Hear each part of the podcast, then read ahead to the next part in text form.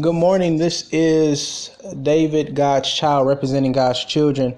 This morning, I had the opportunity to pray into the lives of many of you. Um, and I pray, God, that that prayer um, entered into your space, into your um, heart, into your spirit, and that it had the uh, ability to lift you in some shape, form, or fashion. Um, but now I'm coming to you with Monday morning devotional, which uh, I found to be an interesting passage coming from Psalm 35, verses 1 through 9. Uh, again, Psalm 35, verses 1 through 9. This is an interesting passage. This is David speaking. Let me read the scripture. Plead my cause, O Lord, with them that strive with me. Fight against them that fight against me. Take hold of my shield and my buckler and stand up for my help. Draw out also the spear and stop the way against them that persecute me. Saying to my soul, I am thy salvation. Let them be confounded and put to shame that seek after my soul. Let them be turned back and brought to confusion that devise my hurt. Let them be as chaff before the wind. Let the angel of the Lord chase them. Let their way be dark and slippery, and let the angel of the Lord persecute them. For without cause have thy hid from me their net and pit, which without cause they have digged for my soul. Verse 8 says, Let destruction come upon him at unawares, and let the, his net that he hath hid catch himself, and to that very destruction let him fall verse 9, final verse. And my soul shall be joyful in the Lord, it shall rejoice in his salvation. Again, this is Psalm 35, verses 1 through 9, uh, Monday morning motivational devotion. And I said earlier that this is uh, David, King David, the son of Jesse, uh, speaking. And I don't know who I'm speaking to this morning, but in the sentiment of this uh, scripture, I found that David is pleading to God to fight for him. That is very powerful, and I believe that's a word for somebody that you need to let God fight for you. David, as I said, this is King David. I said he's a king because uh, naturally a king is militant. They fight, they know how to fight they have the army, the regalia. David, um, if you are familiar with his story, uh, David uh, won his first big fight against Goliath. And at that point, David began to be a fighter, a well known fighter, one of the, the greatest fighters known throughout Israel. So much so that the Bible records that David killed thousands of men. So to fight and to go to war and to go to battle was not foreign to David. He knew what it took to win. He knew what it took to slaughter his enemy and to slaughter those who opposed him. So fighting was nothing out of the ordinary for David. But David has entered into a season of his life where he has gotten wiser and he is up against opposition that it looks as if they are more powerful and more and, and stronger than him. So David says to God, God, I need you to fight for me. And I think the opening the, the opening of verse 30 or chapter 35 is that David pleads to God. And that oftentimes in whatever it is that we're fighting against, not literal fight, but we may be fighting to secure a contract. We may be fighting um, to um, stay um, aware or fighting against depression or we fighting uh, oftentimes life gives us many battles to fight, and we have to fight. But the David opens up and he's pleading to God, and I want to tell someone you need to do likewise. Know that God, who is the author and the finisher, God, who is the Alpha and Omega, God, who is the creator of all things, put it in his hands. David petitions God as he is going to war. He says, God, go to war for me. David says, I'm going to put down my armor. That's powerful for a king. A king that is known to go to war in armor. He puts down his shield, he puts down his buckler, he puts down his sword, and he said, "God, this this this fight is out of my hands. This fight is out of my reach. I'm, I can't do this. I need you to fight for me." And oftentimes, that's what we need to do, um, dealing with the circumstances of life, whatever it may be for you. Put it in the hands of God. Get to a point in your life I know you're prideful. I know um, you're strong. I know you're resilient. I know you've been through ups and been through down. I know you've overcome. I know you are a fighter to the death. I, I know that's you. But it, there are some things that come into our life where we don't have to put up a fight. We need to be wise enough to know that God's hand is bigger, God is more wiser, God is more powerful. God can take care of our opposition better than we can take care of our own opposition. So, like David, put it in God's hand. David asks God to put his enemies to shame.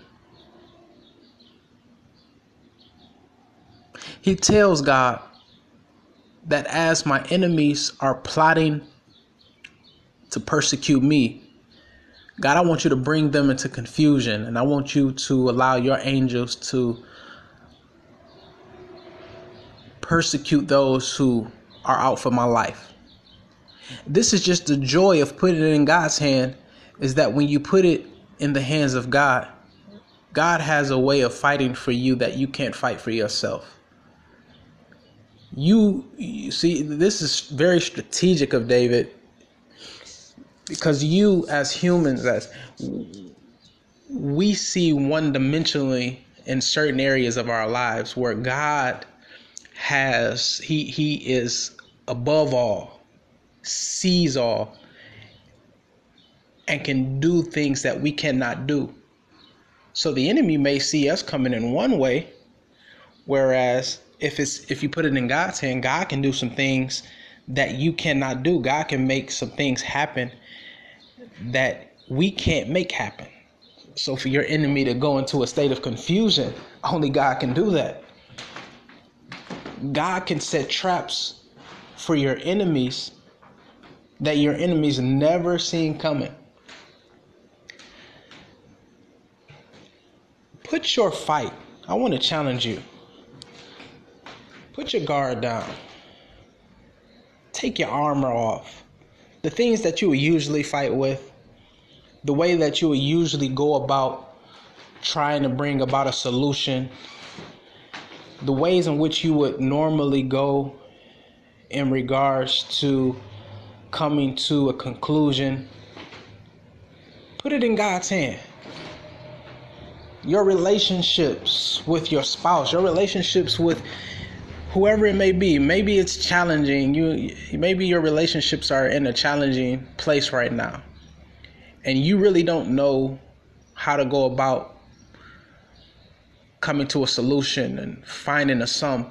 But i want to challenge you put what you're going through in this particular moment in the hands of god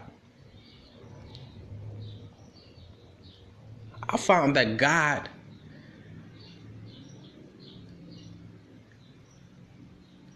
has ample ways to solving one problem.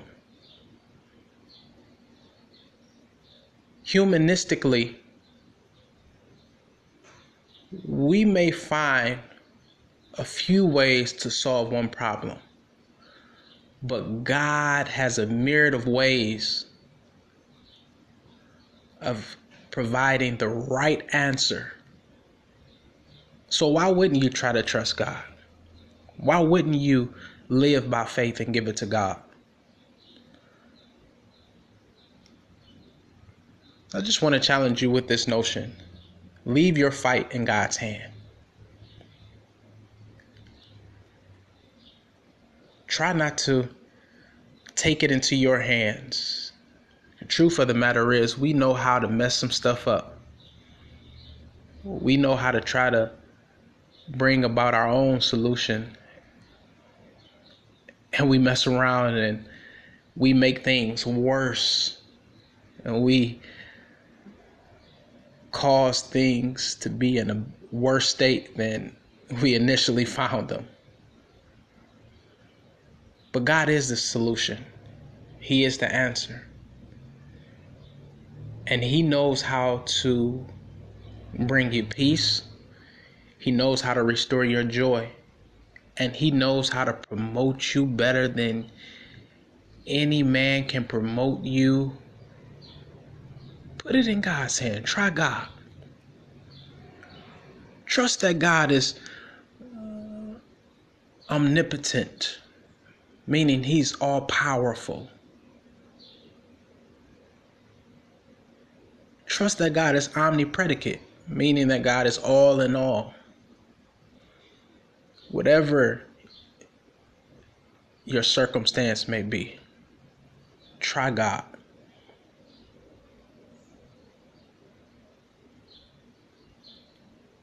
And as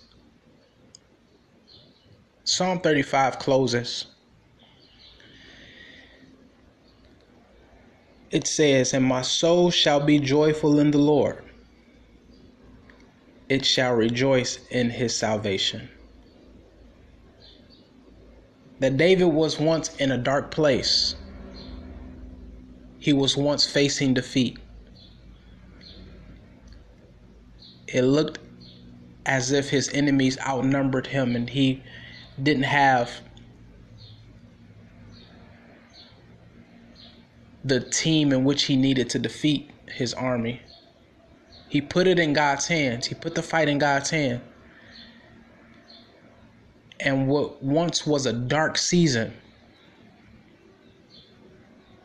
God turned it around.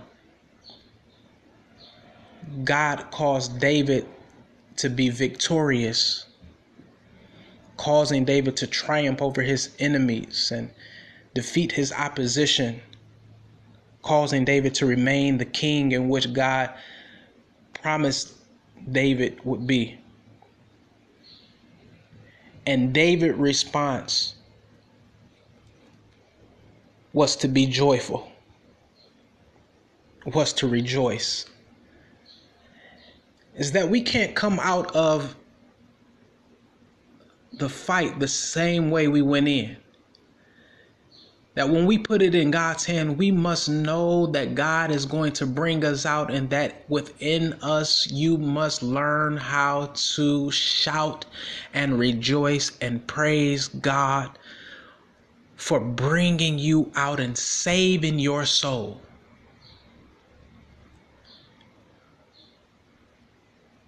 David says, My soul is going to be joyful. Only God can make you joyful. Only God can bring you the type of unspeakable joy that make your inner being just shout and you just feel overwhelmed and you're bubbling over with these joyful and happy emotions because you have experienced the greater the greatness of God. You have experienced the power of God that when your back was against the wall and you didn't think you were going to make it and when you were in the dark and then you see at as that darkness begins to turn into light you were in a tunnel and that tunnel was just so dark and you didn't think you were going to make it out and then you kept fighting and you kept persevering and you kept pushing and you kept walking and you kept giving life your best shots and you kept giving life your best jabs, that darkness in the tunnel began to turn light. And when you got out of it, you began to shout and thank God because you knew that it was God on your side. You knew that it was God that made you prevail over your enemies. You knew that it was nothing but the goodness of God that made a way for you to be where you are. So I challenge you don't go into the fight the same way. Go into the fight one way, give it to God. But come out shouting, come out joyful, come out praising God, come out telling somebody, all right, I seen God do it for me. God made me victorious. God lifted me up. God elevated me. God promoted me. Now I want to encourage you to do the same thing. Be joyful.